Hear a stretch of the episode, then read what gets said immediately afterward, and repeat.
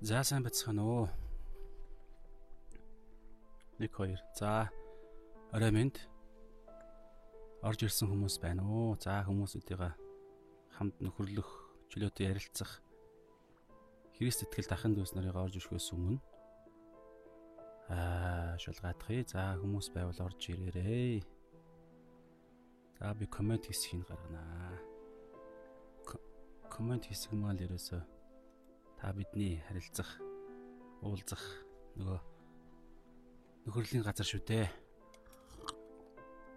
За тэгэхэд юун дээр өнөөдөр юун дээр тайлбарт нь бичсэн байгаачлан хэдүүлээ өнгөрсөн 7 хоногт ерөнхийдөө Христ сэтгэлийнхний маань дунд бас яриа хөөрэ болж тэ хилцүүлэг болж хоёр талын хилцүүлэг яриацлагууд явагдаж байсан. Тэгээд тэр Түүний дагуу бүгдээр хамтдаа энэ өнөөдөр хөдөлөө. Нэг гурван сэдвийн дагуу яг 3 гэж байгаа боловч энэ хэд бараг л 6 л болж таарч байна л да. Тэгэхээр энэ та нар уншиж байгаа шүү дээ. Тэгэхээр эхлээд бүгдээрээ харь хил харь хил ба эв нэгдэл гэсэн сэдв байна. Тэгэхээр өнгөрсөн 7 хоногт хий сэтгэлийнхний маань дунд яригдсан бас нэг хэдин тохиолдлууд байгаа шүү дээ. Тэгэхээр үүнтэй холбоотойгоор бүгдээр хамтдаа энд бас соёлтойгоор хоорондоо ярилцъя тэгэхээр харь хил гэдэг энэ зүйл Библиэлд ерөнхийдөө шин гэрээн дээр байгаа энэ харь хил гэдэг энэ зүйлийг та бүгдийгээ үзэл бодлоо илэрхийлэх хүртэл би ярилцаад явъя. Тэгэхээр хоёр Библийн дагуу бол ерөнхийдөө нэг миний харж байгаагаар шүү дээ. Ер нь бол дандаа би өөрийнхөө өнцгөөс ярьж байгаа шүү. Мэдэх мэдэхгүй зүйлсүүд бас буруу ойлгосон зүйлсүүд байвал та нар залруулад яваарай. Тэгэхээр бидний гол зүйл бол ерөөсөө нөхөрлөл учраас яг энд номлол заах зүйл явагдаагүй. Тэгэхээр харгил гэдэг энэ зүйлийг би олж мэдснээр өнөөдрийг хүртэл мэдж байгаагаар ерөнхийдөө Библиэлд Тэнгэрээс Пентекостийн өдөр Тэнгэрээс гал мэт буун ирж итгэгч нарт дагалдагч нарт хуваагдсан ирсэн тэр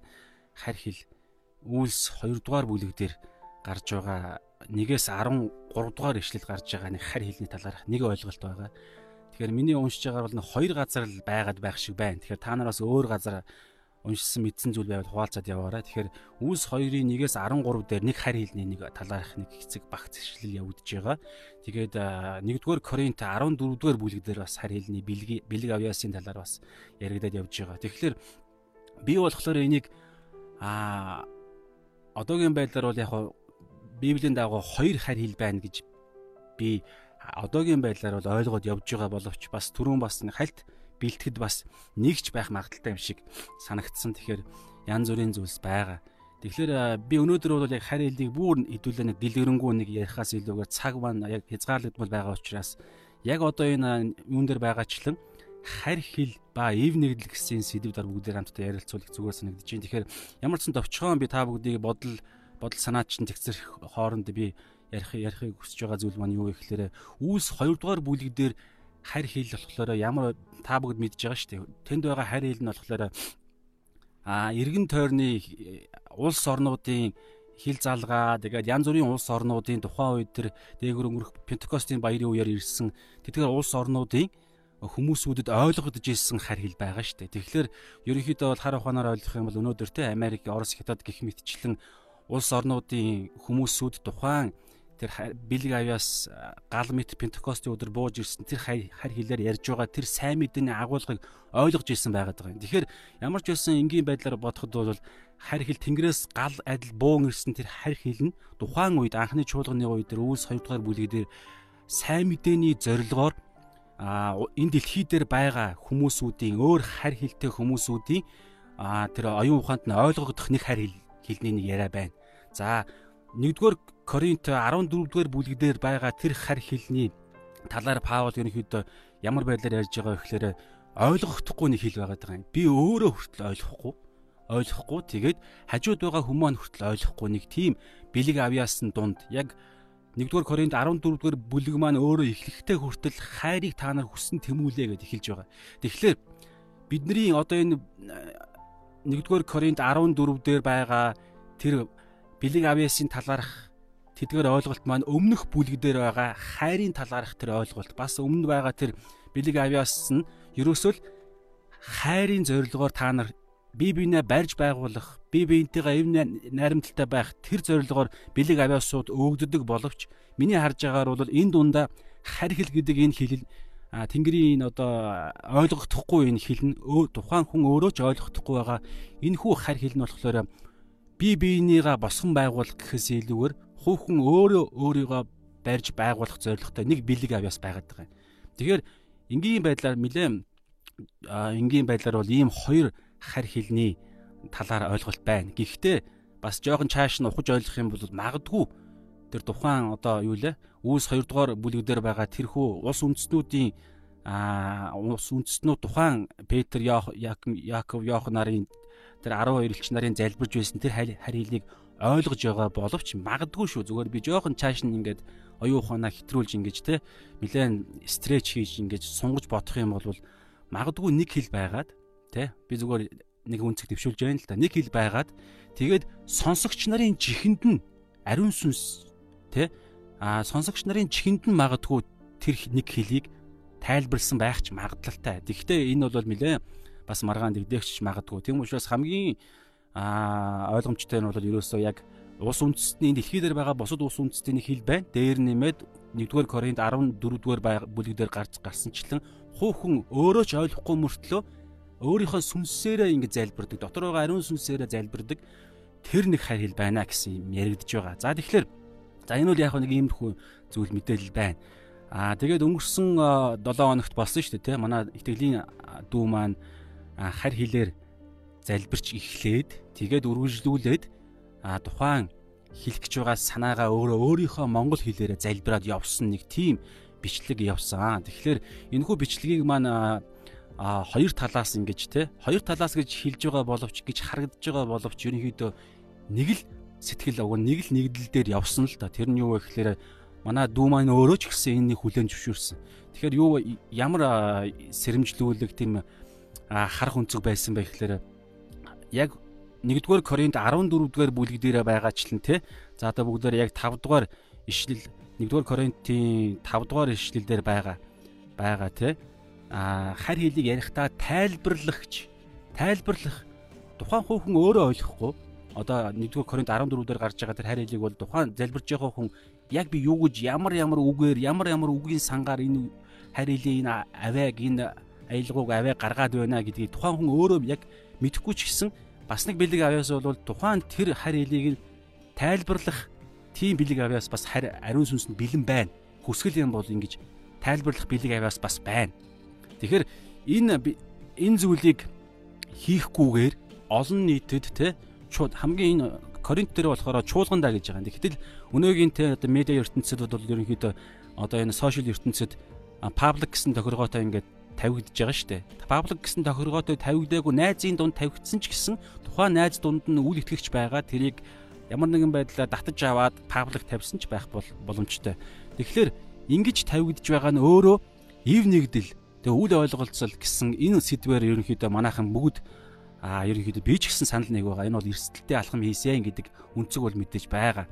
Гэхдээ би яг тухайн дүүгийн маань анх тавьсан тэр зүйл нь эв нэгдэлд саад болсон, эв нэгдэлд аюултай зүйл хийчихсэн гэж би бол яг хувьдаа харахгүй байгаа. Гэтэ өнөөдрийн лайв маань тэ маргаа мэтгэлцээ бол бол бити болоосоо гэж хүсэж байгаа учраас ерөнхийдөө аа тухайн хүнийг би ямар өнцгөөс би санал нэгдэж байгаа вэ гэхээр одоо энэ дэр байна л да. 1-р Коринт 14 дээр байгаа 1-р Коринт 14-ийн 1-р ишлэлээр ингэж байна те бүх сүнслэг бэлгүүдийн зорилго нь бол хайр аа. Тэгэхээр би тухайн итгэлийн дүү маань хайр тухайн бичлэгэнд нь хайр байсан гэж би харж байгаа. За тэгэнгүүтлээ 2 дугаар ишлэлдэр аа харь хил нь бол хуу хүнийхэн төлөө өгцсөн. Тэгэхээр тайл манай дүү маань ч гэсэн тайлбар дээрэж хэлсэн бас тэр тухайн бичлэгийн цаад санаа нь очих ёстой хүндээ очих юм бол хуу хүн өөрөө тухайн харь хилийг хараад анзаараад тэгээд а энэ харь хилийг судлаа. Энэ харь хил үнэхээр бичээстээр байгаачлан миний сүнсэнд хэрэгтэй юм болвол би энэ харь хилийг авахд яагаад болохгүй гэж. Зүгээр л би анхаарах хэвээр зүйлээ анхаарал чуулганд ганцаараа ойрлохгүй, олон нийтэд хамаагүй зацсахгүй. Гэхдээ би энэ харь хил миний сүнсний өсөлтөнд, миний сүнсний босгон байгуулалтанд хэрэгтэй ийм зүйл байгаа юм байна штэ гэдгийг тухайн дүү маань өөрөө бичлэгээр харуулсан гэж би харж байгаа. Тэгэхээр За энэ нэг зүйл олон өнцгөөс нь ярина л да мэдээж. Тэгэхээр хоёрдугаар ишил дээр хувь үнний төлөө гэдгийг тухайн хүн маань өөрөө танилцуулах маягаар энэ бичлэг явагдсан гэсэн нэг зүйл харагдаж байна. За тэгэнгүүтээ дөрөвдүгээр ишлэлдэр хувь итгэгчээ босгон байгуулдгаа гэдэг энийг ч гэсэн бас босгон байгуулнаа. Тиймээс та бүгд маань Монгол ахын дүүс нар минь харь хэлийг бас сонсоод судлаад үзээч. Энэ таны сүнсэнд чинь хэрэгтэй нэг зүйл байна. Тэгэхээр энэ бэлэг авяасыг та нараа сонирхооч гэдэг утгаараа ярьж эхэлсэн. Гэхдээ тэр чигээрээ харь хэл дүүр юм ярьсан юм байхгүй. Үргэлжлүүлээд монгол хэлээр яриад явсан. За 5 дугаар ишлэлдэр хараа та харь хэл нь болохоор Паул итгэгч нарыг та нар харь хэлтэй байгаасаа гэж хүссэн байгаа. Тэгэхээр харь хэллийг та бүгд хүсээч гэдэг өнцгөөсөө бас ярьсан гэж би харж байгаа. За аа комент дээр та бүгдийгаа юм бичиж байна уу би ингээл харах гал байна л да. Комент дээр та бүгд маань бас санаа оногоо бичээд явбал би уншаад явна шүү. За ямар ч намайг сонсож байгаа тий. Тэгэхээр аа зааж байгаа. Тэгэхээр тэгээд хардаа ингэж байгаа. Харин тайлбарлах зүйл тайлбарлагчтай ярих нь чухлаа гэж байгаа. Тэгэхээр ерөөсөө бид бүгдээр л мэдж байгаа. Аа сошиал ертөнцид маш болгоомжтой байх хэрэгтэй. Гэхдээ миний өнөөдөр хэлэх гээд байгаа санаа юм санаа байхгүй. Бид нэр сошиал ертөнцид те одоо тухайн тэр нэг альва ямар нэгэн бичлэг ирээдүйд гарах үед, ирээдүйд ямар нэгэн пост тавигдах үед бид нар шууд хамгийн эхлээд тухайн постны агуулгыг нь бид нар мэдээж шүүж боддог, сонсдог, хардаг, хувь хүн өөрөө ч гэсэн үзэхтэй. За энэ бол тэр үед нэг биднэрт нэг бодол төрж байгаа. Тэгэхээр тэр бодлоо хүртэл бид нар хянах хянаасаа гэж хүсэж байна л да. Тэгэхээр яагаад вэ гэхээр альва бэлэг авьяасууд альва Христийн төлөө хилэгдэж байгаа, үйлдэж байгаа үйлс хөдөлмөр үг яриа нь тэрийг бид нэр харахтаа хянахтаа хамгийн түрүүнд эв нэгдлээ бодох бодоосаа гэж хүсэж байна л да. Тэм учраас харь хэл гэдэг энэ зүйлийг өнөөдөр өнгөрсөн 7 хоногт болсон зүйлс маань цаана нь эв нэгдлээ бид нар үнэхээр чухалжилъя гэдэг би зүйлийг уриалахыг хүсэж байгаа. За гэвч энэ зүйлийг ингээд хийгээд эв нэгдлийн төлөө бид нар ингээд өнгөрөө өнгөрөөж боллоо гэж бодож болж л байна л да. Гэтэл бас бодиттой зүйлсүүд гаргадж байгаа. Тэрэн дараа дараагийн нөгөө гурван сэдвийнхаа дараагийн сэдвээр орж ийн.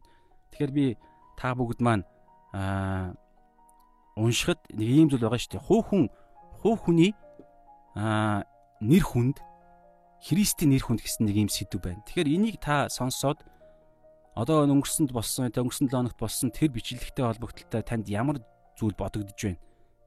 Та бас хуваалцаач. Би нэг зүйл гаргаж ирж байна те. Хуу хүний нэр хүнд нөгөө талдаа Аа Христийн нэр хүнд, за чуулганы нэр хүнд, пастрын нэр хүнд гэдэг асуудал хөндөгдөнө. Тэгэхээр нэг хүн нэг итгэгч хүн одоо сошиал ертөнцид ийм задгаа энэ ертөнцид нэг хүн аа бурхны талаар, Христ итгэлийн талаар нийт чуулганы талаар ингээд ярьж байна. Өнөөдөр би хүртэл ингээд ярихдаа Монгол чуулган ингээд ярьж л байна шүү дээ, тий. Тэгэхээр би ингэж ярихад нэгдүгээрт миний нэр хүнд би буруу юм ярих юм бол миний нэр хүнд хөндөгдөн, тий би өөр буруу сэтгэлгээтэй хүн болж хуурж байна. Эсвэл Библиэ буруу ойлгодог хүн болж тийм эрсдэл байна. Хоёрдугаар би ингээл Монгол чуулган гэж ярихад Монгол чуулганыг би тэр чигээр нь хамруулж шууд ярьж штэ. Тэгэхээр Монгол чуулганы нэр хүнд яригдж байна. За тэгэнгүүтлээ Христ Есүсийн талаар би ингээл янз бүрийн юм ингээл ярихад Есүсийн нэр хүнд ч гэсэн хөндөгдөх гээд байна. Тэгэхээр энэ зүйл дээр би танаас асууя л да те өдөр хамт ярилцвал энэ зүйл дээр Библи юу гэж хэлдэг вэ? Одоо би ингээл те яг айхтар гажим биш мөртлөө ингээд одоо харь хэлээр залбирдаг ч юм уу эсвэл бол те таммын талаар ярьлаа гэж бодъё л да. Эсвэл бол бүх хүмүүс там руу явж байна. Эсвэл одоо та ямар яриа гэж болох вэ?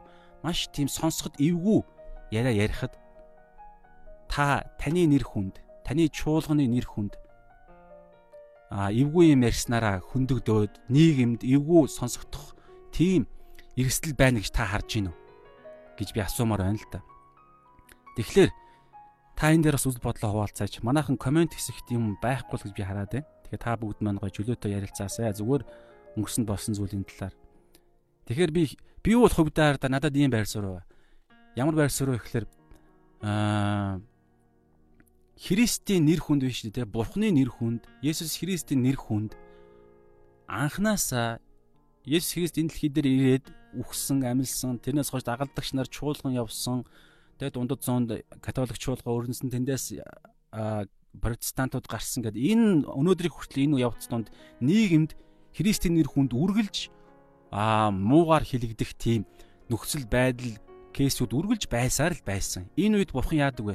Миний нэр хүндийг хамгаалахын төлөө та нар тулалд дайн зарлал гэж хизээж хэлж байгаагүй. Магадгүй корон судар тийм их юм корон сударт байдаг гэж би сонссон. Короны тэ исламыг одоо хэн байд юм ухмайд байд юм хинд байд юм тэр шүтдэг тэр бурхныг нь шүтээнийг нь доромжлох юм бол тэдгээр доромжлогч нар яг та нар алах хэрэгтэй гэсэн тийм санаа Корансуудад байдаг гэж би сонссон. Буруу зөв би санах сайн мэдэхгүй байгаа ч гэсэн. Гэтэл Библиэлд ямар байгаа вэ гэхээр Христийн нэр хүнд муугар хилэгдэхэд Христ яадаг вэ гэхээр энийг бол үргэлж өнгөрөөдөг байхгүй юу? Өнгөрөөдөг. Харин тэр байтугай харин Христ юу гэж хэлдэг вэ гэхээр та нарын Матай 7 дугаар бүлгээр байгаа шүү дээ. Миний нэрийн төлөө, миний төлөө, сайн мэдээний төлөө та нар муугаар хилэгдэх үедээ та нар ерөөлтөөе гэж хэлж байгаа. Тэгэхээр энэ санааг бид нар альва зүйл нийгэмдэр сошиал ертөнцид болоход энэ санаа танд бодогддгоо. Энэ зүйл ариун сүнс танд сануулж исэн тохиол байна уу? Тэгэхээр энд л миний бодлоор гол зүйл байгаад байгаа байхгүй юу? Тэнгэрийн хаанчлал Есүс Христ өнөөдөр те Монголын газар нутаг дээр өөрийнхөө чуулганаа өөрийнхөө хаанчлал юм хийсээр л явна. Өнөөдөр янз бүрийн байдлаар бид нар янз бүрийн өнцгөөс өөр өөрсдийнхөө чадлаараа юм хийж явна. Тэгэхээр ингэж явхад Христийн нэр хүнд муу хэлэгдэх үед муу хилүүлж байгаа тэр шалтгаан нь ямар байхаас үл хамааран Есүс дэлхийн хүмүүс үргэлжил Христ рүү дайрна. Энэ баримтыг та тодорхой ойлгож дотроо тээгээд энтэй бүр эвлэрээсэй гэж би хүсэж байна л да эцсийн цаг үеүүдэд угаасаа Есүс Христ рүү чуулган руу та хичнээн Библийн дагуу эрүүл ухаанаар та гоё ярих гэж оролцсон ч гэсэн танаас сатан өө хараад таныг ямар нэгэн байдлаар тань руу үргэлжил дайрна. Тэгэхээр энийг бид нар те гол зүйлээ болгоод бид нар энэ дээр энийг гол зүйлээ болгож бид нар энэний төлөө явмааргүй байна гэж би үнэхээр хүсэж байгаа юм л да. Библи ч гэсэн энийг яриаггүй. Библи гол юу ярьж байгаа нөхөр Библийн дагуух үннийг тэр үннийг ертөнцид тунхаглаач ямар ч аргаар хамаагүй гэсэн санаа би бол хэлдэг гэж итгэж байгаа. Тэгэхээр бүр ийм хэсэг байгаа шүү дээ. Таны тэ сайн мэдээний эсрэг та нарын эсрэг юм хийхгүй л байгаа бол тэдгээр бүх хүмүүс та нарын талд шүү гэсэн Есүсийн хэлсэн Библийн хэсэг ч гэсэн байгаа. Тэгэхээр бид нар хардаа гол зүйлээ бодмоор байна. Би өнөөдөр муу хэлэхэд нь хамаагүй байхгүй да. Та энийг энийг бид нар ялах салах хэрэгтэй байна. Нийгэм дээр өнөөдөр бид нар амьдрахдаа өөрсдийнхөө нэр хүндийд нэр хүндээ барьж байгалахын тулд хувийнхаа хэрэгцээгээ хангахын тулд бид нар олон жил явсан учраас тэр а бодлын тогтолцоотойгоо андуураад байна л да. Гэтэл та өөр амьдралаар амьдрахаа дуудагдсан хүмүүс шүү дээ. Бид нар хараа сайн мэдээний төлөө Есүсийн төлөө муу хэлэгдэж, сайн мэдээний төлөө бид нар жичлүүлэх тийм дуудлага, тийм амьдралаар амьдрахаар дуудагдсан байхгүй да. Тэглээгээд би одоо юу гэдэг хамаа намаагүй мэр гэж хэлээгүй. Яг таны би одоо тэр өнгөрсөн манай дүүгийн маань тэр харилаа залбирсан дүүгийн маань юун дотор бичлэгэн дотор би яг ингээс библийн дагуу судлахад гаж юм нэгч яриаггүй шүү дээ. Гэтэл яагаад бид нар тэр хүнрүүд ингэж дайрж ийнэ гэхээр биднэрт шал өөр их ашиг яваад байна. За бас бас нэг нэг би нэр нь хэлэхгүй ихтэй манай нэг бас итгэлийн маань те нэг чуулган удирддаг бас нэг хүндэлдэг ах маань те яг энэ үйл явдлаас болоод онцгой байдлынхан чуулган дээр нь ирээд тэгээд энэ нэг бичлэг яваад байна. Танах танаа урсгал чинь энэ мөн үү? Танах ийм гажиг юм уу гэх мэтчлэн ингээ те шалгуул малгуул гэд яригдах үед манай ах маань те а тухайн хүнд энэ бичлэг манай миний итгэлийн дүү маань байгаамаа. Гэхдээ энэ бол яг цаад урсгал нь одоо бидний энэ яваад байгаа энэ одоо энэ байгууллагын маань явж байгаа зүйл нь ийм юм учиртай юмаа гэд бүр теологийн хичээл заах хэмжээний болсон гэж ах маань хэлсэн л дээ постн дээр тавьсан. Тэгвэл хараа энэ нэг хардаа зүгээр тэр бичлэг дээр харь хилж байна юу ч вэ бид нар 7 хоног болгоно нэм гарагт болгоно за зарим зүйлээ хийдэггүй. Гэхдээ өөрсдийнхээ байгаа зүйлээ хийдэг нь ингээд нийгэм цацагдах цацагдах үед трийг хараад юу болоод яагаад энэ гээд ирж байгаа нь өөрөө бурхны төлөвлөгөө байх магадaltaй гэж би өөрийнхөө жижигхэн ухаанаараа харж байгаа байхгүй. Гэтэл бурхан ямар бол ямар арга замаар өөрийнхөө хаанчл авралынхаа төлөвлөгөө хийгээд явна аханд үсэ. Тэр зүйл нь тань таалагдахгүй бол та битгий түүнд хэрэглэгдэж байгаа хүнийг нүн рүү битгий шүүж дайраач. Тэр хүн та өөрөө шүүгдэн гэсэн нэг санаа байгаа. Хоёрдугаарт бид нар хардаа энэ улс төр энэ улс төр нийгэм энэ нийгмийн амьдралын нэг юм ардчлалын энэ зүйлийг Христ итгэлийн тэр сайн мэдээ тэр Бурхны хийж байгаа арга замтай холиод байна. Тэгэхээр манайхан би бол хөвдөө тухайн дүү маань ариун сүнстэй учраас хил хязгаараа мэдж байгаа гэж би итгэж байгаа. Тэгээд тухайн бишлэгэн ч гэсэн би Бурхны төлөвлөгөөний дагуу болсон гэж би итгэж байгаа. Коринт номон дээр те та нар ийм ивнийх буруу ойлгогдсон шүү гэдгийг дүүч гэсэн өөрөө мэдээд яриад буруу ойлгодод явж гин. Гэхдээ үүний цаана таны оюун ухаан чинь ойлгохын аргагүй цаана том төлөвлөгөө явагдаж байгаа. Исая Исая номон дээр ч гэсэн нэг ихч маань Исая номын нэг ишлэлийг бас иш татсан байсан. Миний бурхан гэж хэлсэн шүү дээ арт түмэндээ. Бид нар танд надад миний бодол та нарын бодлоос хамаагүй өндрөө гэж хэлсэн. Тэр ишлэлийг би тухайн үед амиа нэгэд хүлэн зөвшөөрөхөд өөр нэг итгэлийн маа найз те дүү маань яасан бэ гэхээр за бити ингэж далдганаачаа гэж надад хэлсэн байхгүй. Гэхдээ арда одоо бид нар хүртэл ингэж нөхөрлөгтөө хүртэл арда чөлөөт ертөнцид те одоо энэ нөхөрлөгтөө хүртэл бид нар үгийн сонголтоо ганц үгийн сонголтоо буруу хэлснээс болж пүн гэж юусоо гал авалчлаа л да харилцаан дээр. Тэгэхээр яагаад ингэж өнөө хөрөө бид нар хитрхи өөрийнхөө нэр хүндээ бодоод байна. Нэгдүгээрт. Тийм учраас одоо ардаа бид нар өнөөдөр сэдвээр байгаа шүү дээ тий. За манай амгаа маань хай гэж юм. Минь хоёр галсаах маань хай гэж юм. За сайн бацгаана уу та бүгд маань чөлөөтэй ороод ирээрээ. Комент хэсэг дээр. Тэгэхээр та өнөөдөр Христийн нэр хүндийн төлөө явж байна уу? Өөрийнхөө хувийнхаа нэр хүндийн төлөө явж байна уу гэдгийг бид нар үргэлж асуудаг байя. Христийн нэр хүндийн төлөө явхад хүртэл хардаа Есүс юу гэж хэлсэн бэ гэхээр бараг шаардлагагүй гэсэн санаа хэлж байгаа шүү дээ. Угаасаа намайг доромжлноо.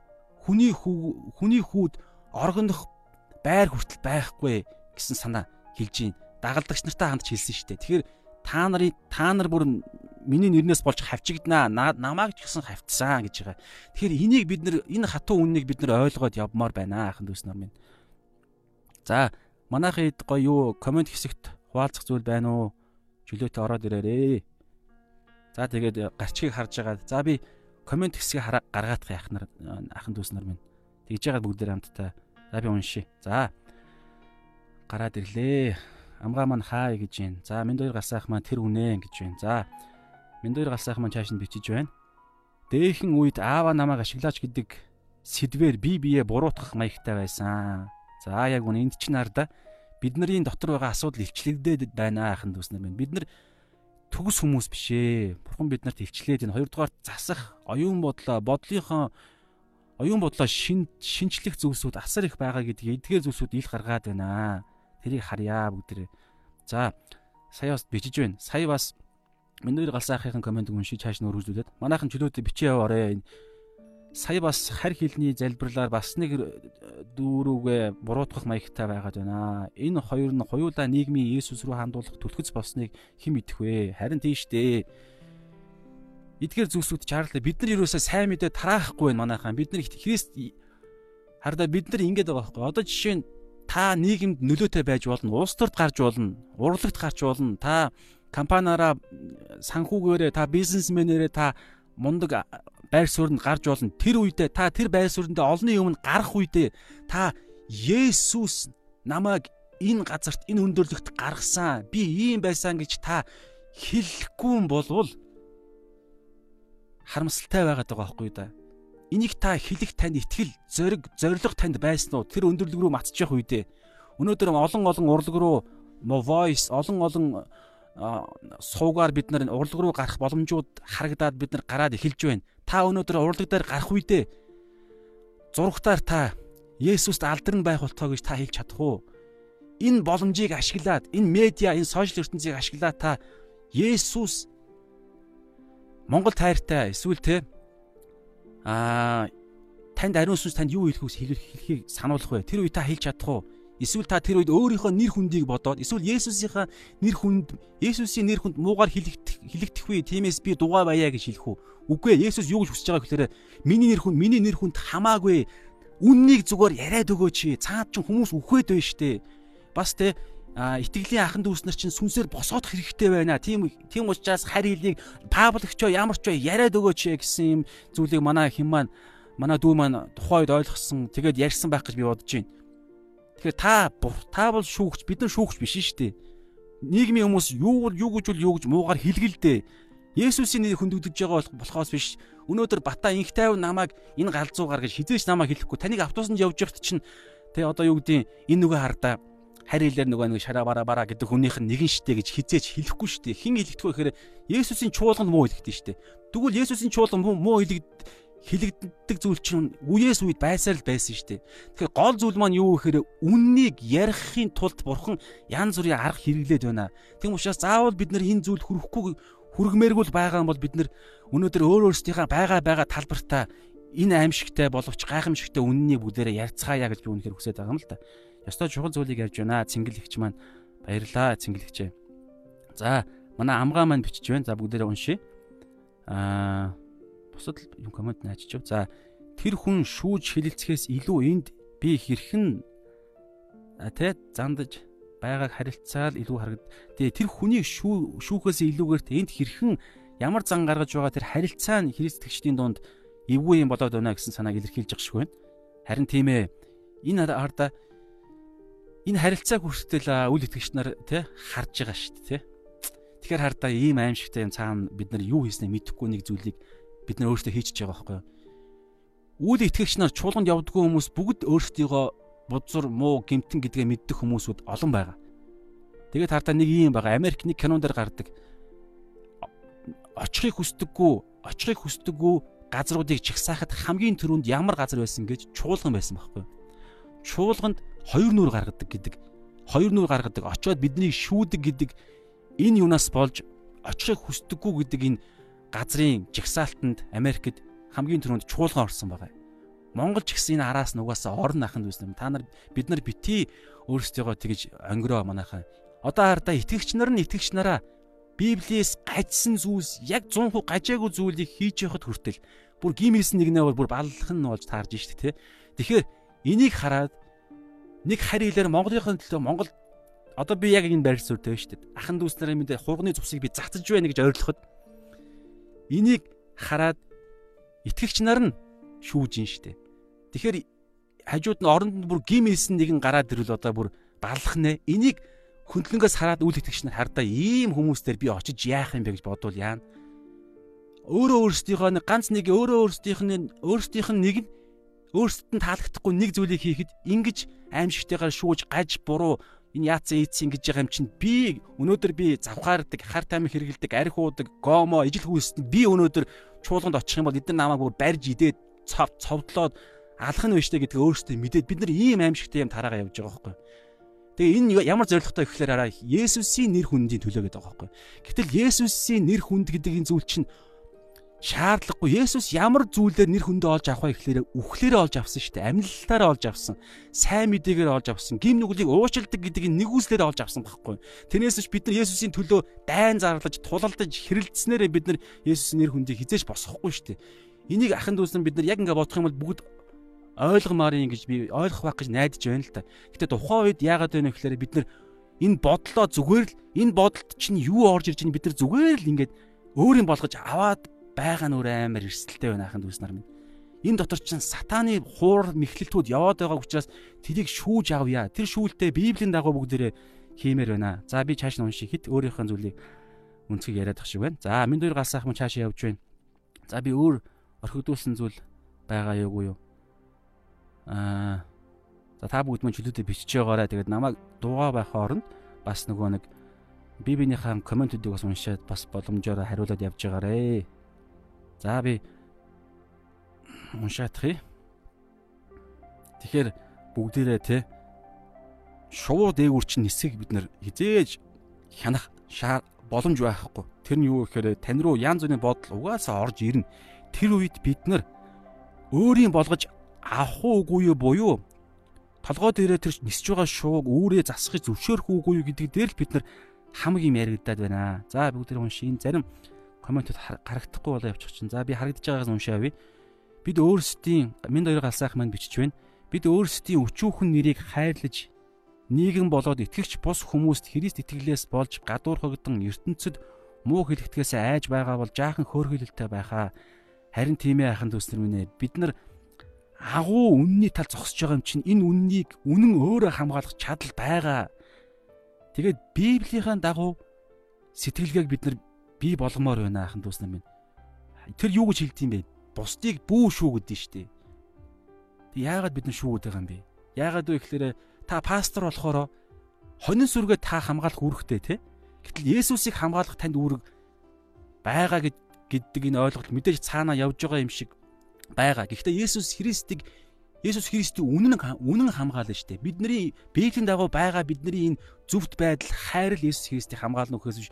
Есүс Христийг л энэ нэрийг л хамгаалвал ерөөсөө таны тэр хамгаалах тэр арга барил чинь ямар ч хамаагүй байх ёстой биш гэж л хэлэх гээд байна л да. За тийм болохоор бид нийгэм бол гал сайхан бичиж чинь те. Тийм болохоор бид нийгэмд болон хүмүүст таалагдах гэж яваад байна уу? Эсвэл бурханд таалагдах гэж яваад байна уу гэдгийг бодох болцох хэвээр. Харин тийм ээ. Энэ үнэ ахын дүүс нар минь. Одоо улам шүүг шүүгдээд байна. Шалгагдаа шүүр шүүхтүүд ороод байна. Эцсийн цаг үед ирж байгаа гэдгийг бүр хардаа а Паул хүртэл хэлсэн шүү дээ. Тухайн үеийн анхны 1-р зуунд амьдарч исэн хүмүүс эцсийн энэ эцсийн цаг үе тэгээд бичээс зөндөө байгаа. Энэхүү эцсийн цаг үе тэгээд яриа явж байгаа шүү дээ. Тэгтэл өнөөдөр 2000 жилийн дараа амьдарч байгаа бид нар эцсийн цаг үе болоогүй гэж тайван явах юм үгүй байхгүй. Улам ойртож чинь манайхан. Одоо энэ коронавирус янз бүрийн тэр SARS тэ одоо янз бүрийн зүйлсүүд чинь энийг угаасаа баталж байгаа олон одоо удахгүй янз бүрийн зүйлсүүд болно те. Антихрист нь өөрийнхөө арга барилаараа гарч ирнэ. Дэлхийн ертөнц улам нэг болно. Урдныхаа лайваар ярьсан те. За хулан дор жориг гэдэг хүнийхээ унши. Дайны үед. За би унши. Комментиг нь дайны үед дайсны дунд байгаа байгаа тал нь жишээ нь тагнуулууд жанжин штабтайгаа моорзоор харилцдаг байсан. Нууц дохиогоор.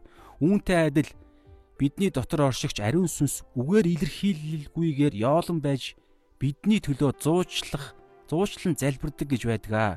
Морз мэт дайсан ойлгохдохгүй хар хилээр ариун сүнс бурхантай ярьдаг байх гэж боддгоо. Морзыг тайлан уншдаг шиг дээрээс ирсэн хариуг тайлан уншдаг байх гэж бас боддгоо. Амен. Би өнд амен гэж хэлье. Библиэр ч гэсэн байгаа. Харь хил ямар зоригтой одоо ардаа энэ юун дээр байгаа 5 дугаар ишлэлээр байгаа шүү дээ. Харилцагч нь 1-р Коринт 14-ийн 5-д 5 4 хавцаа байгаа. Харь ер нь хардаа энэ дэлхий дээр 10 дугаар ишлэлээр ингэж байгаа. Энэ дэлхий дээр ойлгохгүй ямар ч аваа гэж байхгүй гэж байгаа. Тэгэнгүүтлээ 11 дээр нь байгаа санагдаж байна. Тийм учраас хэрвээ бид нар харилцаж байгаа бол харилцаж байгаа хүнтэйгээ ойлголдох дундын нэг хэлээр ярьдгаа гэж байгаа. Тийм учраас аа бид нар хэрвээ харь хэлээр хоорондоо ярих гэж байгаа шүү дээ. Хоорондоо хөндлөн чиглэлд хоорондоо ярих гэж байгаа бол харь хэл зорилго ийм зорилгоор өгдөөгүй. Харин харь хэлийг би миний дотор байгаа миний сүнс ариун сүнстэйгээ хамтраад бурхан эцэгтэйгээ ярих үед дотор байгаа ариун сүнс тэр харь хэлээр дамжуулж миний одоо махан бие гэж байна. Сэтгэл сэтгэл гэж зүрх байна. Тэгээ дотор байгаа сүнс гэж байгаа мөнх амьдэрдэг, мөнх оршдог сүнс.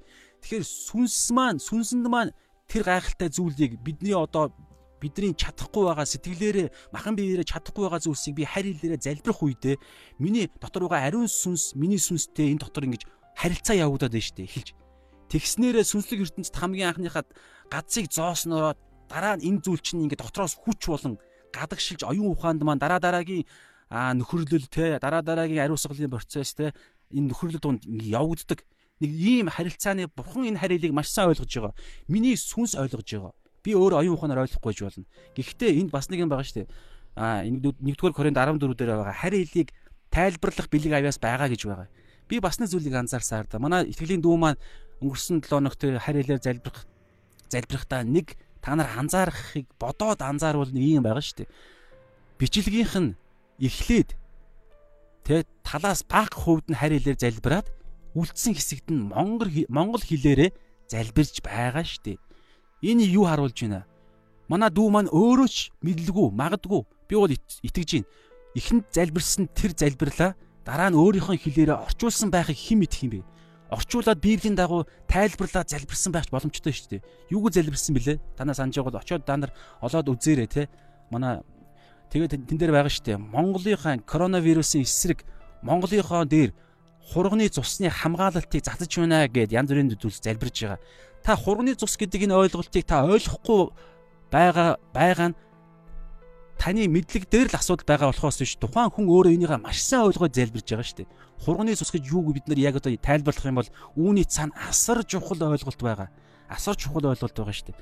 Тэгэхээр бид нар шүүхтэй шууд л мэдрэмжээрээ шүүгээд байхыг тэр мэдрэмж тэр анхны бодлыг чинь ив нэгдлийг буснуулах гэж оролдож байгаа дайсан өгж байгааг бид нэ анзаарах хэрэгтэй байна. Энэ нь бид нар чөтгөр шүүсэн гэдэг ойлголт яриаггүй. Есүсийн оюун бодолд хүртэл сатан бодлоо өгж байсан шүү дээ. Цөл 40 хоногийн мацаг барилтын үеэр.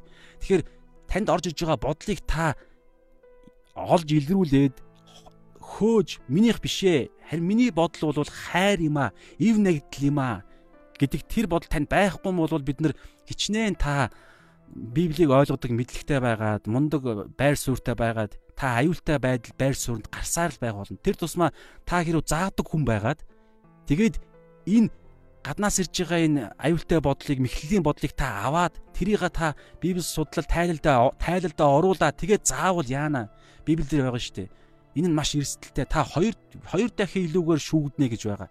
Энэ нь авралын шүүлт биш, өөр шүүлт ч бас яригдж штэ. Таны за буруу юм ярьснаас, буруу юм тавьснаас болж бусад хүмүүс бүдрүүлвэл яана гэсэн санаа. За би чааш нь уншия те. За өөр манайхаа юу бичиж чинь. За аа За love итгэл маань а love love light гэдэг хүн маань бичиж чинь те итгэл нь сонсохоос сонсох нь Христийн үгээс ирдэг гэдгээ. Ер нь Есүс эзний амийн үгийг амийн үгийг сайн ярьцгааж байвал олон хүнд хүрнэ. Бурханд алдар бурхан алдаршнаа. Ийм эзний үгийг хүн бүр сонсох, унших нь их чухал гэж бодож байна. Харин тийм ээ эзнийхээ үгийг бүгдээрээ уншия. Бас сонсъё манайхаа. Зүгээр Зүгээр тэр бичээсийн тэр дүрсийг нь бити аваач. Цаана хэлж байгаа санаа. Тэгээ би нэг үг үлдэн штэ. Олон талд үнэн гэдэг энэ үгийг зарим хүмүүс ойлгохгүй. Эсвэл шууд шүүх гэдэг л да. Библи чи хардаа нэг санааг нэг санааны талаар олон талаас нь гаргаж ирж ярьдаг штэ. Тэгэхээр өнөөдөр ярьж байгаа тэр хайр хэл гэдэг энэ зүйлсэн ч гэсэн олон талтай. Нэг үйлдэл хайр гэдэг энэ зүйлсэн ч гэсэн олон талтай. Тэгэхээр энэ юу вэ гэхээр бичээсийн өнөөдөр Библи бид нэр судлах та Библийг судлах та тэр тухайн сэдвийн талаар олон талаас ярьж байгаа тэр газруудыг бүгдээрээ судалж ойлгохын тулд юу хэрэгтэй вэ гэхээр нөхөрлөл хэрэгтэй бай. Хамтдаа сууж Библи судлах хэрэгтэй бай. Нэг сэдвийн талаар миний харсан а үнцэг үнцэг туйлын үнцэг гэж би хардаггүй. Библи ч гэсэн энийг хэлдэггүй шүү дээ. Яагаад вэ гэхээр эн чинь Библи чинь цогцоороо хоорондоо нэг болдог. Тэгэхээр та өнөөдөр хувийнхаа амьдралтын дагуу тэр тухайн сэдвийн талаар та Библийн ариун сүнс танд нэг үнний талаар үнний талаар нөгөө талаас нь ярьсан байхад надад өөр талаас нь бас ингэж харуулсан байхад бид нар уулзаад ярилцах үедээ бие биенийхээ ойлгож ухаарсан итгэл үннээ хуваалцах үед бид нар хамтдаа тухайн үнний олон талд олон тал руу ингэж өөрийгөө илэрхийлэх чадвартай тэр амьд Бухны үг амьд гэдэг байгаа юм шүү дээ. Хоёр талтай эртээ гэдэг байгаа шүү дээ. Тэгэхээр тэр хоёр талын эрийг авахын тулд бид нар хоёр талаасаа хамтдаа ингэж бид нар барья. Тэгтэл ингээд нэг талаас нь гарч ирж байгаа нэгнийгаа ингээд шүүгээд үгүй чиний худлаа минийх л зөв. Яагаад тэгэхээр би пастор эсвэл яагаад тэгэхээр би аа ийм мэдлэгтэй гэж хэлж байгаа нь аль алинд нь хохиролтой байгаад байгаа маа. Би тодорхой нэг пастор яриаггүй шүү. Би ерөөсө өөрийгөө ч гэсэн би би нэг үг үннийг хэлье да. Тухайн би тэр харилаа залбирж байгаа дүүгийнхаа бичлэгийг би анх үзээд хамгийн анхны мэдрэмж надад юу байсан гэж шууд би уцаа гаргаж иргэж ингээл нэгэл гүйлэхэд манай дүүгийн маань залбирал гарч ирээд би таньдаг Тэгээд яг уулзж байгаагүй ч гэсэн таньдаг учраас би дараа л сонссон чи яасан нөгөө харь хэлэн залбирал эхлэх үед би юу вэ? Ямар эвгүн бэ гэдээ өнгөрөөцсөн байхгүй юу? Энийг би яриад байна. Гэтэл энийг өнгөрөөгөөгүй автсан учраас манайхан аа нэг талыг баримтлсан энэ шүүлт рүү орчоод байна. Би болохоор ямар ч авшахсан. Тэгээд би дараагаар нь яасан бэ гэхээр янз бүрийн тэрхүү ингээд юм болоод байх үед би дахиад дүүгийнхаа бичлэгийг би бүтэн үзсэн байхгүй юу? Гэтэл бид үзэх үедээ би дараагаар маш тийм сэрэмжтэй, эв нэгдлийг би эв нэгдлийн дуудлагатай, миний нэр хүртэл их тайван те Тэгээ Монгол үндэстэн ч гэсэн өгөгдсөн дуудлага бол би эв нэгдлийн олон үндэстний дунд эв нэгдлийн дуудлагатай гэж би итгэдэг. Тэгэхээр энийгээ би тээгээд би ингээ үзэх үед миний дотор ариун сүнс ярьж эхэлж байгаа. Сатан биш, шүүлт биш. Тэгээд би ингээд а одоо миний үүрэг бол энэ юм байна те. Тэгээ харахад яг библийн дагуу харахад тэнд гажиг юм харагдаагүй учраас би явсан. Гэхдээ анхны надад ирсэн бодол тийм бодол байсан байгааз Тэрийг хамгийн гол нь би аваагүй нь л миний хувьд намайг хамгаалсан. За би чааш нь уншаад яв манайхан. Аа дуламж ав GSS гэдэг хүн маань Бурхан тэр хүнийг харь хилээр залбир гэж хэлсэн үгийн дагуу залбирсан бол бид тэр хүнийг Бурханы ажлыг шүүх эрхгүй гэж бодож байна. Амен. Амен шүү дуламж GSS минь. Үнэхээр амен.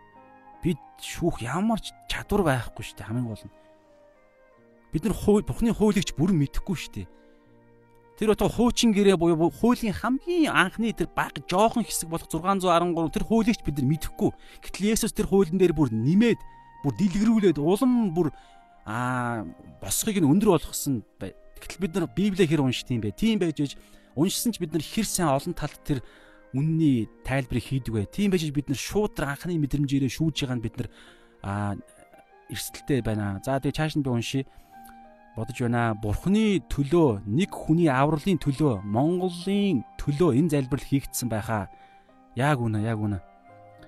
Харда тухайн дүү маань өнөөдрийн дулам дуламж ав GSS минь хоёр галсан амгалан амгаа өнөөдөр их тайван би хэн байх нь бид бүгдээрээ та өөрөө бурхны ажил хийх цорын ганц багж штэ бидний дээр одоо хинч байхгүй бидний дээр тэгүн бидний дээр энэ дэлхий дээр хинч байхгүй. Бидний дээр зөвхөн бурхан байгаа. Тэгээ бид нар өөрсдөө бурхны багж бурхны орчих сүм тэгэхээр бид нар чинь өөрөө итгэвч хүн болгон өөрөө бурхны тэр юр бусын үгийг тунхаглах өвчнүүд идгэх, үхсдийг амьлуулах, шударгаас давсны үүр гүйцэтгэх, энэ дэлхий дээр үхсдийн хаал үхсдийн орны хаалгыг хаах нээх тэр их мэдл бидэнд байгаа.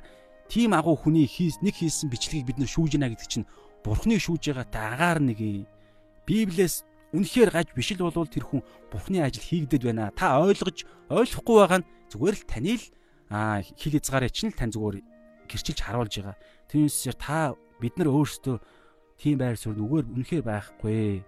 За Цэнгэл ихч маань юу цэнгэл цэнгэл ихч маань юу гэж бичиж байна уншия бүгдээрээ.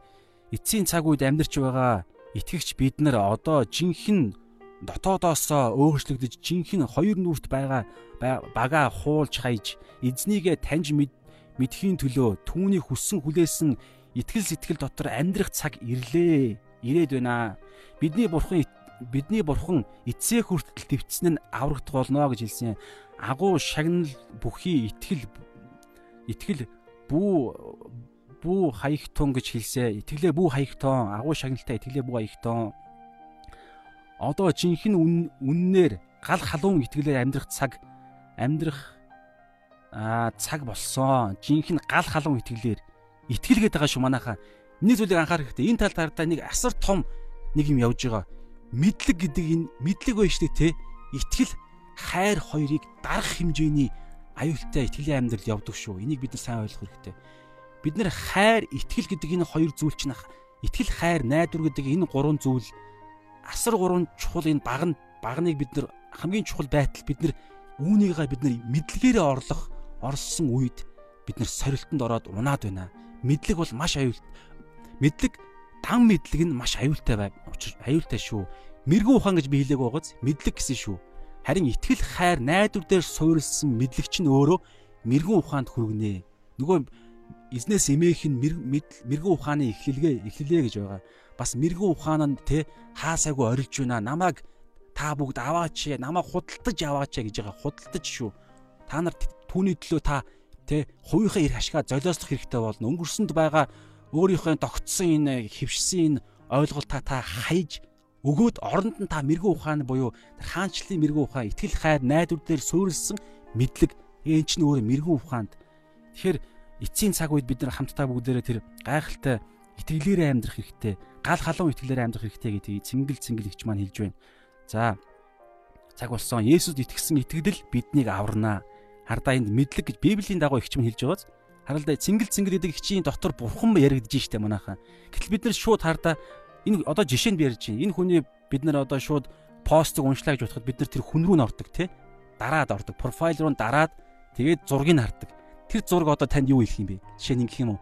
Оо эн чинь мэрэгүү ухаан таарагдаж байна. Тэгэхээр би чааш энэ энэ хүний хэлсэн үгийг нь би бурхны үг гэж хүлээж авъя гэж бодох юм уу? Эн чинь асар буруу ойлголт. Гэтэл би бол яахыг хүсдэг хүсдэг вэ гэхээр зорж явдаг вэхээр энэ үгэнд нь агуулгад нь Библийн дагуух үнэн байгуул би амен гэд энэ хүний бурхны хэлсэн үгээ гэж би шүү дээ. Тэгэхээр эн чинь бид нар нэг нэгнийхээ дотор бурхан маань бурхан нь өөртөө бурханыхаа хүчээр ажиллах үүд хаалгыг бид нар Библийнхаа урамшуулж гин гэсэн санаа. Гэтэл бид нар шүүнэ гэдэг чинь асар аюултай мэйгээд яваад байна. Үүний үр дүнд хэн хохирох юм бэ? Хамгийн түрүүнд үл итгэгч нар маань хохирноо. Үхэл бол хизээч хамаагүй сатан хүлээгээ сууж байгаа. За цааш нь уншия. Сүнсээр дахин төрсөн үү? үгүй юу гэдгээ нэгтлэх цаг ирлээ. Сүнсээр за энэ бол нэлээд нарийн зүйлөө бид нар ороо явж гин те. Яг үнэ. Бид нар энийг хэн мэдэх юм бэ? Бид нар нэг талаараа мэднэ. Салхи салхиар ярьдаг те. Гэтэ хамгийн гол нь хувь хүн та өөрөө өөрийгөө хянаач. Би яг сүнсээр дахин төрсөн юм уу үгүй юм уу? Тэгээ энэ талаар бид нар чинь ингээд бүр ингээд ойлгохгүй хэцүү байвал бид нар судлаа. Асар олон боломж байна. Библи нэгдүгээрт монгол хэлээрээ маш тодорхой эрүүл ухаанд дагуу бичигдсэн байгаа. Хоёрдугаарт 7 хоног болгон Библийг явж гин, 7 хоног болгон Библийн хичээл явагдаж байна. Интернетүүд байна. Янз бүрийн хүмүүсүүд бид нар ингээ гарч ирээд байна. Тэгэхээр бид нар бие биентэйгээ одоо энэ лайв байна. Тэгэхээр асуултууд гаргаж ирээд дахин төрсөн хүн гэж юу юм? Дахин төрөөгөө гэрсэн төрөөгөө хүн юу юм те? Тэгээд аврагдсан мөртлөө дахин төрөөгөө хүн байх боломжтой юм уу? Энд амар ойлгомжгүй. Би хүртэл энэ дээр би судлаад явж байна. Бүгдээрээ хамт судлая бие биентэйгээ дээр гарыг хариуцуулъя. Би пастор учраас бүгдийг мэддэг байх ёстой. Тэгэхээр надаас хүн юм асуухад би хариулахгүй байвал миний нэр хүнд унана. Бараг Есүсийн нэр хүнд унах гэдэг юм шиг бодоод тийм учраас бид нар ингээд бөөрийн хийлдэг ч юм уу. Мэдхгүй бол мэдхгүйгээ хэлээл би дараагийн эзнийхээ өдрийн залбирлаар мөргөлөөр би мэдээд ирья гэж хэлээл явъя л да. Бид нар угаасаа л дорой юм чин доройгоо хүлээмжшөрөөл явц хамтдаа явъя л да. Гэтэл шүүгээд өндөр байр суурь битгий гараа Тэгээ ариун сүнс биднээ дамжуулж хийсэн тэр ажлыг миний ажил мэт бид нар өмчилж болохгүй яхан дүүс нар минь. Та өнөөдөр тэ олон чуулган тарьсан байж, олон ном бичсэн байж болно. Олон янз бүрийн зүйл хийсэн байж болно. Тэр чинь ариун сүнс таны дорой байдлыг чи ашиглаад л ариун сүнс өөрөө хийсэн ажил шүү дээ. Гэтэл минийх гэж авах чинь өөрөө та өөрөө бүдрэх бүдрэх магадaltaй гэдэг зүйл хэлье. Ахан дүүс нар минь хайрын дотор л хэлж байгаа шүү дээ. Бид нар бүгдээрээ бие биендээ Тэгээд хизээж таны дээр гарахсан надад ямар ч юм байхгүй. За бүгдээрээ чааш нь хичээх юмыг уншаад өөр хүмүүсийн комментиг уншия те. За сүнсээр дахин төрсөн үү? За энийг уншсан те. Библи уншлага, залбирал хоёр маш чухал байна. Библи уншлага, залбирал, библи судлал гэж би оруулмаар байна. Чимээгүй цаг гэж бас байгаа те. Тэгэхээр эдгээр бүгдээрээ хамт цогц, хамтдаа хийгээд явъя. Тэгээд ганцаараа ихээс илүүгээр хамт шүү, чуулгандаа заавал хамрагдах хэрэгтэй. Энэ таны төлөө. Одоо бүр эцсийн цагууд аимшигтай аимшигтай юмсууд болно. Илчилт номон дээр зөндөө байгаа. Янз бүрийн хавчлагууд болно зовлонгийн 7 жил гээд айхтар юм байгаа. Гэхдээ тэр үеийг бид нар үдсэн ч вэ, үзээгүй ч вэ бид нар дараагийн үзэх үзэх магадaltaй хүмүүсүүдийнхаа төлөө өнөөдөр миний хүүхдүүд итгэж болох боллоо гэхэд би итгэж хүүхдүүд маань үзэх магадaltaй байхгүй юу. Тийм учраас өнөөдөр би ойлгож ухаарсан энэ зүйлсээ бид нар хүүхдүүдтэй хэлээ л да. Тийм учраас хүүхдүүдийнхаа төлөө бид нар өнөөдөр бас энийг хийж байгаа.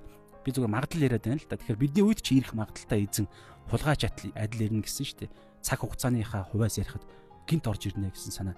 Гэхдээ тэмдгүүд нь явсаар байна. Энийг бид нэр тэмдэг гэж харахгүй бол нөгөө досоо бэлдээгүй те хайхрамжгүй 10 сүд бүсгүй шиг бид нар яг юу сүд залууга ирэх үед бид нар яана баларна штэ. Гэхдээ би энд аврал яриаггүй би өөр юм яриад байна. За За өөр хүнийхийг би уншиж цааш нь уншиж амтсангүй. За юудс уншиж Библи уншлах зорч чухлаа гэсэн те тэгээ цаашаагаа ингэ явж байгаад инх тайвны ярьж байгаа нөхөрлөл дотор Библи судлаа гэдэг маш чухал зөвөө. Манай чуулган ингэж уншдаг аа. Амен. Ийм чуулганууд байгаад би үнэхээр баяртай биш шүү хамтдаа. Тэгээд бид нар нэг нэгнийгаа нэг нэгнийгаа нөхөөд явъя. Олон боломжууд байна шүү те. Хүмүүс манай хүмүүс маань итгэлээр өстгөө хурдан өстөг юм аа гэж байна. За гайхалтай. За өөр юм уншия. За амгаа маань ингэж байна.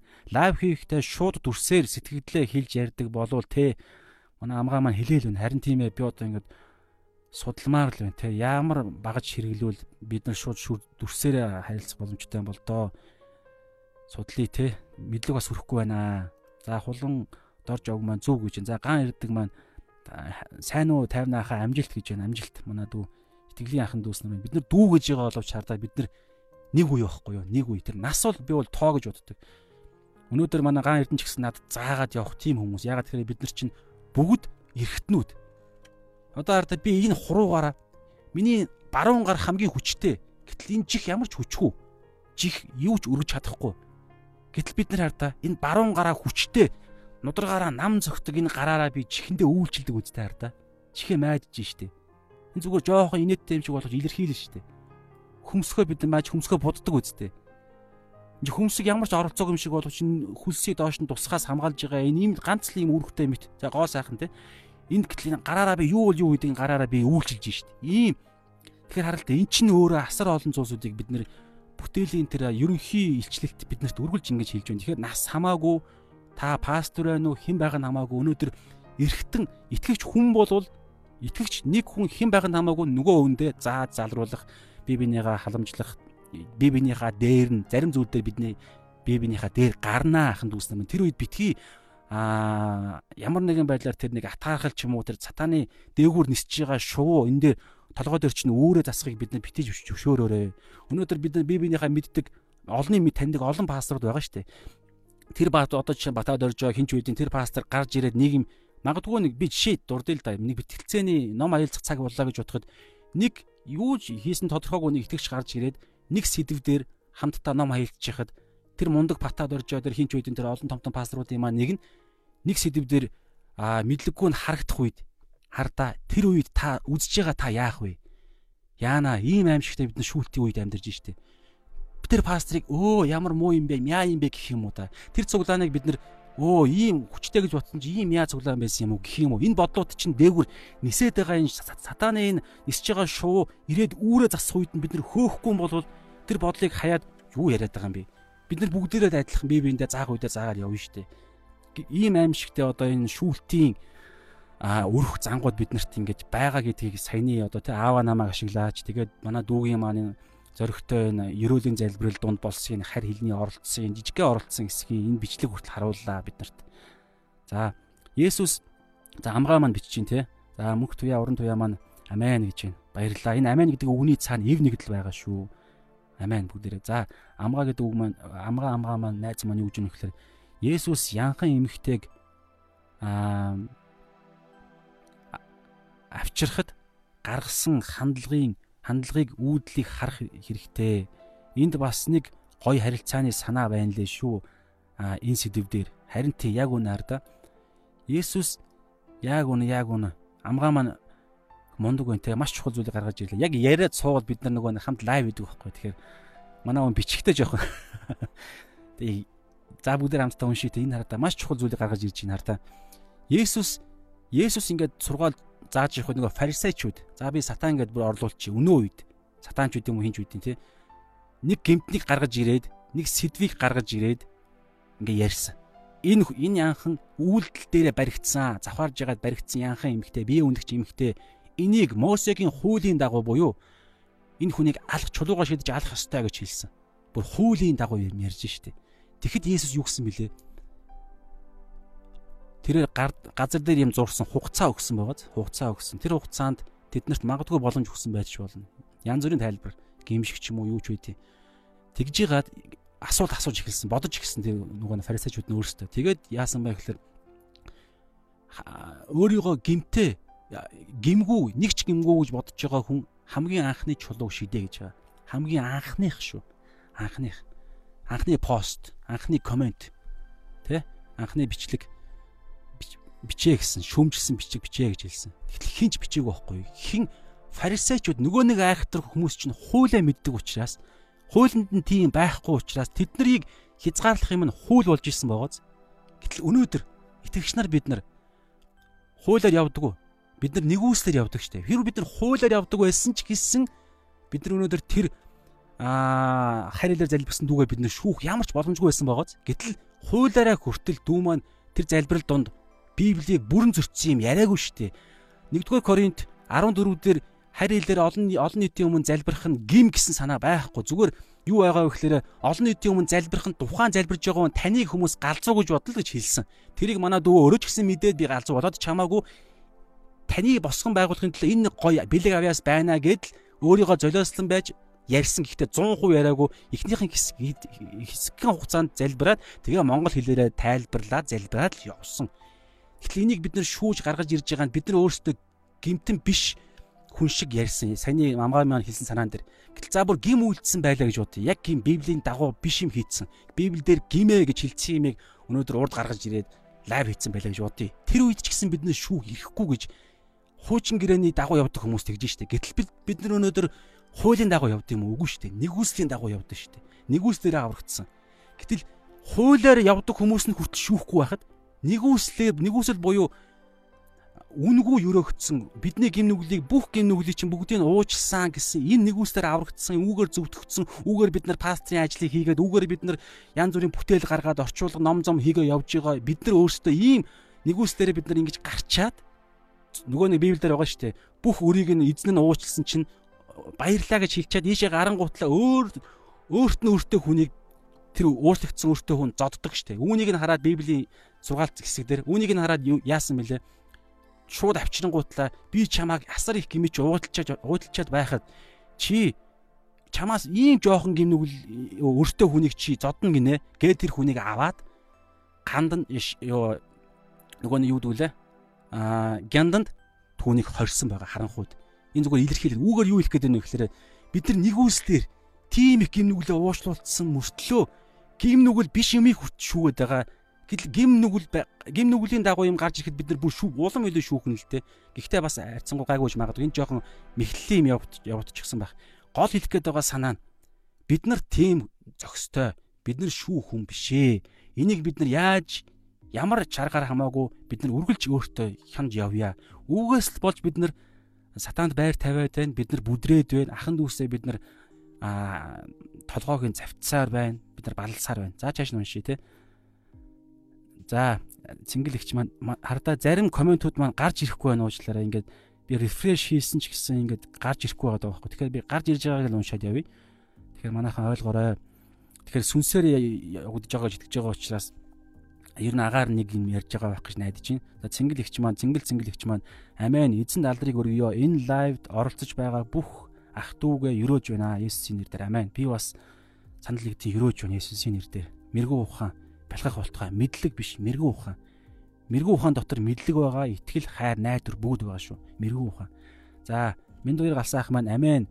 Бид хуулийн дагуу хуулийн дотор бус нэгүслэлээр аврагдсан. Мөн түнчлэн нэгүслэлээр амьдардаг. Амен. За. Амен шүүх ирэхгүй гэж хуланд орж орог маань хэлж байна. Амен. За Чингэл ихч манай цааш нь шумуулыг шүүгээд тэмээг залгич залгигч та гэж эзэн хэлсэн. Эзнээс имэж л байвал бид шүүхгүй байхаа. Эзнээс имэх имээцэг ярьж байна одоо энд. Яг үнэ. Ахан дүүс нар минь. Эзнээс имэх гэдэг энэ зүйлийг бид нар яаж ойлгох вэ? Бүгдээ хамтдаа нөхөрлийн цагууд дээр ярилцъя. Хамтдаа залбирая. Энэ үгийг бясалгаад явъя. Эзнээс имэх гэдэг энэ зүйлийг бид нар ойлгохын тулд юу ойлгох вэ гэхээр гим нүглийг ойлгох хэрэгтэй болно. Гим нүгэлд оногдох ял шийтгэл тамийн асуудал ч яригдана. Хуучин гэрээний тэр том ойлголт тэр аа 1500 жил за 1500 хөлөө те 1500-аас бүр өмнө юм байна. 2000 жилийн турш 2000 жилийн турш өрнж явсан тэр Израиль үндэстний түүх яригдана. Эзнээс имэх гэдэг юм ярихад бол тэгээд асар бол юм яригдана. Есүс Христийн загалмаа өхөл яригдана, амьлал яригдана. Тэгэхээр эзнээс имэхийг та ойлгоорой. Энэ үгийг бүгдээр хамтаа үргэлжлүүлэн энэ 7 хоногийн турш бүр судлаа, залбирая, бясалгая. Тэгэхээр эзнээс имэхийг ойлгохгүй бол бид нэр үргэлж аа энэ толгойд чинь нэг юм боллоо. Толгойд чинь нэг бодол орж ирлээ. Тэрийг та өөрийнхөө бодлоо гэж андуураад л шууд бодоод л өөрийн болгоод толгойд тэр дээгүүр нисэж байгаа шууг энэ дээрээ өөрөө засахыг нь үүрээ засахыг нь зөвшөөрөөд ингээд л та тэр хүнийг тэр бодлынхаа боол нь болоод яваад байна. Мэхлэгдээд байна манайхан. Тэгэхээр гаднаас юм орж ирэх үед шууд нисчил байг. Янз бүрийн бодлоод орж ирж ил байг. Янз бүрийн сорилт, элдв янзын дон, элдв янзын гмийн бодлоод орж ирж ил байг. Тэр үед нь та яах вэ? Шууд барьж авал та. Шууд барьж аваад хянал та. Шууд барьж аваад энэ хиний бодол вэ? Өө Ингээ бодоход хиний бодол вэ гэдэг энэ асуултанд та өөрөө хариулахдаа дотор ч байгаа ариун сүнс нөгөө уншсан, судалсан хамтаа нөхөрлөөр ярилцсан тэр Библийн дагуу буюу ариун сүнсний дагуу тэр бодлороо хитгэн секундын дотор боддог байхгүй бид нар. Яг энийг сурах хэрэгтэй. Тэнгүүтэл оо эн чинь Библийн дагуу биш гэж хэлнэ. Энэ мэдрэмж чинь Библийн дагуу биш, махан бодгийн биш. Тэнгүүтлээ пүнгэл шууд чааш нь хаяал ийшээ эргэлт ирэх байхгүй. Бас Библиэлд байгаа шүү дээ. Та урагшаа урд байгаа замаа л хар гэсэн санаа. Эргэлээ урд байгаа замаа хараад бодлоо мартаал яв. Гэтэл бид нар энийг ингэж аваад байгаа нь өөрөөсөө амар аюултай. Тэгээд энийгээ бид нар авахтаа өөрийн болгоод батлагтаа бид нар Библийн яг хам сэдвээс нь гайдсан буруу буруу ишлүүдийг хүртэл сатан хэлж чаддсан шүү дээ. Сатан Есүсийг цөл 40 өдрийн мацаг барилтын яг төгсгөлд нь Есүсийг гурван сорилт нь гуруула Библийн үг байсан байх. Үг байсан шүү дээ. Есүс яагаад ялж чадсан бэ гэхээр хам сэдв буюу тэр Библийн том Библийн дагуу тэр яг үндсэн эргэн тойрныхоо тэр ямар нөхцөл байдалд энэ ишлэл хэлэгдсэн бэ гэдгээ Есүс өөрөө урд нь судалсан мэддэг байсан учраас өөрөө тэр үг өөрөө Есүс ч өөрөө тэр үг нь шүү дээ. Би үг мах бод болон энэ дэлхий дээр ирсэн гэж байгаа. Тэгэхээр энэ судлал энэ нөхөрлийн цагуудыг хийхгүй юм бол бид нар тэр бодлыг орж ирэх үед бүр Библийн дагуу хүртэл бодлоор дамжиж биднийг бүдрүүлэх гээд тааш шүү дээ. Тэгэхээр чинь бид нар ингэж ийм аимшигтай энэ галан сум энэ мэхлэлийг бид нар яаж давах вэ гэхээр Библийн хамтын Библи судлалын цагууд байна гэсэн энэ дүгнэлтэнд л ерөнхийдөө хүрээд баг дуусчих шиг байна тий. Тэгэхээр цаг маань ерөнхийдөө бас өндөрлж जैन би За би нэг дахиад нэг рефреш хийгээд тхий. 30 комент байгаа гэсэн мөртлөө би 30-ыг уншаагүй. Тэгээ тэгэхээр энэ яагаад комментууд нь гарч ирэхгүй байна. Гар утсаар ясмал гараад ирдэг л дээ. Гэхдээ энэ гар утсаараа лайв хийж байгаа болохоор за би дахиад жоохон хараадах юм. Манайхан бусдынхаа комментууд уншиж байгаарай. Тий энэ яг гарч ирэхгүй байна. За би рефреш хийсэн мөртлөө гарч ирэхгүй байгаа тоххой. За за манайхан тэгээд өнгөрөөгөөгүй байгаасаа гэж найдаж чухал чухал санааг за би дараа нь анхаарна. За ерөнхийдөө өнөөдрийн лайв маань ерөнхийдөө энэ байлаа. Тэгэхээр юу хэлэх гээд дүгнэхэд яг бид нар хамтдаа харилцаад явсан. Сая би ингээ анзаархад бүгд ингээд амийн шинэ үнцгүүдийг гаргаж ирээд тэ өөрөөр библийн ишлүүдийг санааг гаргаж ирээд бид нар хамтдаа явсан тэ. Тэгэхээр энэ хүү өнөөдрийн тэ нөхөрлийн цагийн маань дүгнэлтэнд ерөнхийдөө яг санал нэгдсэн гэж найдаж байгаа дүгнэлт маань юу вэ гэхээр ер нь бол нэгдэнэ гэдэгт би итгэлтэй байгаа бүх итгэгч нар. Юу гэхээр миний гэдэгтээ хамгийн гол нартаа бид нар яагаад ямар төвшөнд итгэлтэй байгаа вэ гэхээр мэдлэгийн төвшөнд байгаа даа байхгүй. Энд чинь ялгаатай байна манайхаа. Нөгөө бор хоол чи энэ байхгүй юу? Бид нар сүүн хоолоосоо гараад бор хоол буюу итгэлийн амьдралын тэр нөгөө үннүүд чинь дараа дараагийнхаа тэр талбар руу левел рүү бүс рүү ороод хэрэгжихэд тэнд бид нар хэрэгжүүлж дараа дараагийн илүү гүнзгий шумбд сурах хэрэгтэй байгаа даа. Жишээ нь өнөөдөр хардаа а энэ зүйл дээр бид нар бүгд мэдлэгийнхэн төвшөнд бүгд санаа нэгднэ гэдэгтээ би үнэхээр итгэлтэй байна. Тэрний юу гэхээр цор ганц шүүгч бол Бурхан эзэн. Тэр дундаа Есүс. Есүс эзэн шүүлтийг даатгсан. Эцсийн шүүлтийг Есүс өөрөө хийнэ. Ягаад гэвэл Есүс өөрөө тэр а эрхийг өөрөө ямар ч гимгүй амьдрснараа тэгээд дахил болснараа өөрөө тэгээд нэгүслийн тэр а шинэ гэрээг өөрөө эхлүүлснээр энэ гэрээнийх нь эзэн гэрээ байгуулагч нь Есүс өөрөө учраас Есүс Бурхан хоёрын хооронд байгуулагдсан гэрээ шүү. Энэ бас санаа бид хэлхийг хүслээ. Хүн Бурхан хоёрын хооронд биш шинэ гэрээ бол Есүс Бурхан хоёрын хооронд байгуулагдсан гэрээ. Тэгэхээр Есүс өөрөө шүүх болно. Өөрөө шүүлтээрээ оруулж ирээд бид нарыг дотроо тээгээд Бурханы өмнө очиход гимгүү харагдах байхгүй. Түүнээсээ би ганцаараа очиход угаасаа гимтэн штэ. За тэгэхээр Есүс бол цор ганц шүүгч гэдгийг бид нар бүгдээрээ санал бодлороо санал нэгдэнэ. Харин нөгөө хүний чинь цөмдөн сүнс байгаа. Тэгээд гадагшлагаараа зүрх сэтгэл тэгээд мах бодийн энэ мах бод байна.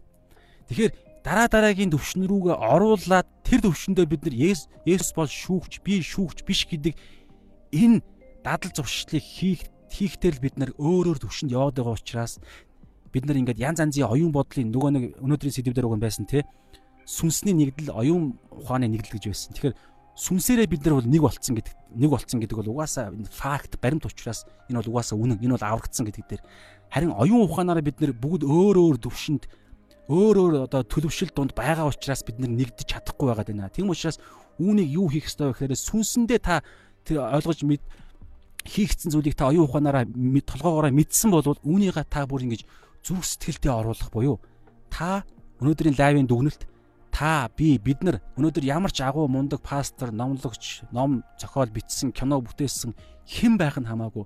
Өнөөдөр те мундаг мундаг итгэлийн бааtruуд байгаа те Джон Стот одоо хин хин гэж яддаг үлээ. Билли Грэхэм, Грэхэн гэж байгаа. Олон олон таныг шүтдэг хүмүүс чинь бүгд хэн байх нь хамаагүй. Бүгд хэнийг ч шүүх ирэхгүй. Бид нар бүгд шүүгдэгчийн байр суурин дээр хуулийн дагуу байгаа. Ийм итгээд шүүгдэгч итгээд харин шүүгч нь цор ганц нь Есүс гэдгийг та ямар нэгэн байдлаар бид нар энийг л ойлгочих юм бол асар олон сорилтоос хамгаалагдах гад байна гэдэгдээ санал нэгдсэн өнөөдрийн лайв тий. Тэгээ бас чаашлах юм бол аа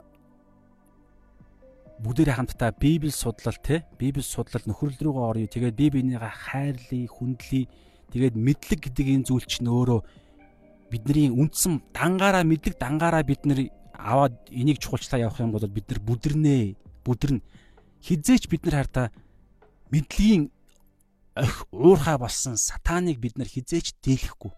Энийг бид нар маш сайн ойлгох хэрэгтэй. Сатан ертөнцийн суураас суурийн эхлээс ч байсан суур энэ дэлхийг бүтээгдэхээс өмнө ч люциф сатан ч өөрөө люцифер гээд мэдлэг мэрэгүү ухаанаараа хамгийн гурван тэнгэрлэгч нарын тэргүүн тэнгэрлэгч нарын нэг нь байгаад нэг нэгдээ бурхантай хамгийн ойр байсан Бурхны тэр хамаг мөн чанар те тэрийг зан чанарыг мэддэг, түүний гоо сайхныг мэддэг тэр тэнгэр илж байсан. Тэр чинь өнөөдөр бидний дунд яваад байгаа. Тэгэхээр бид нар хизээч а мэдлэгээр бид нар одоо энэ дэлхий дээр бид нар тулгаанд ялж чадахгүй. Юугаар ялах вэ гэхээр итгэл. Итгэл. Есүст итгэх итгэл. Есүсийн хийсэн зүйлийг ойлгоод итгэх итгэл. Тэгээд хайр. Хайр бүгдийг 1-р Коринт 13 хайр бүгдийг ялна. Хайр ч нөөрэ бүх зүйлийг бүх зүйлийг ингэж залруулдаг. Бүх зүйлийг ингэж дээрээс нь хучиж байдаг. Бүх зүйлийг утга учир өгж байдаг. Одоо юу яаж илэрхийлж болох вэ? Тэгээд найдвар. Ямар ч үед эзэндээ итгэх найдвар. Ямар ч нөхцөл байдал шороо оронд өвчин зовлонд байсан ч гэсэн найдвар. Энэ бол гарцаагүй үнэн учраас энд найдвар байгаа. Би ойлгохгүй над миний мэдрэмж муухай байх нь хамаагүй. Би энийг ойлгож чадахгүйсэн ч энд эзэн өөрөө им хийж байгаа гэсэн найдах найдвар. Дээр нь нэмээд мэрэгэн мэдлэг Тэ одоо нөгөө нэг Библи судлах олон зүйлсүүд чинь та зүйлс чинь дээр нь орж ирээд тэгээд хамтдаа энэ энэ зүйлээрээ бид нар амьдралаа аа ялгаж салах ухаанаар бид нар мэрэгүү ухааныг бий болгоно гэдэг дээр ерөнхийдөө санал нэгдсэн гэж бид нар итгэж байна. За тэгээ өнөөдрийнхөө лайвыг өндөрлөе. Тэгээд дараагийн хоёр дахь өдрийн лайваар чөлөөтэй бүгдээр хамтдаа хуваалцаад нөхөрлөд явъя.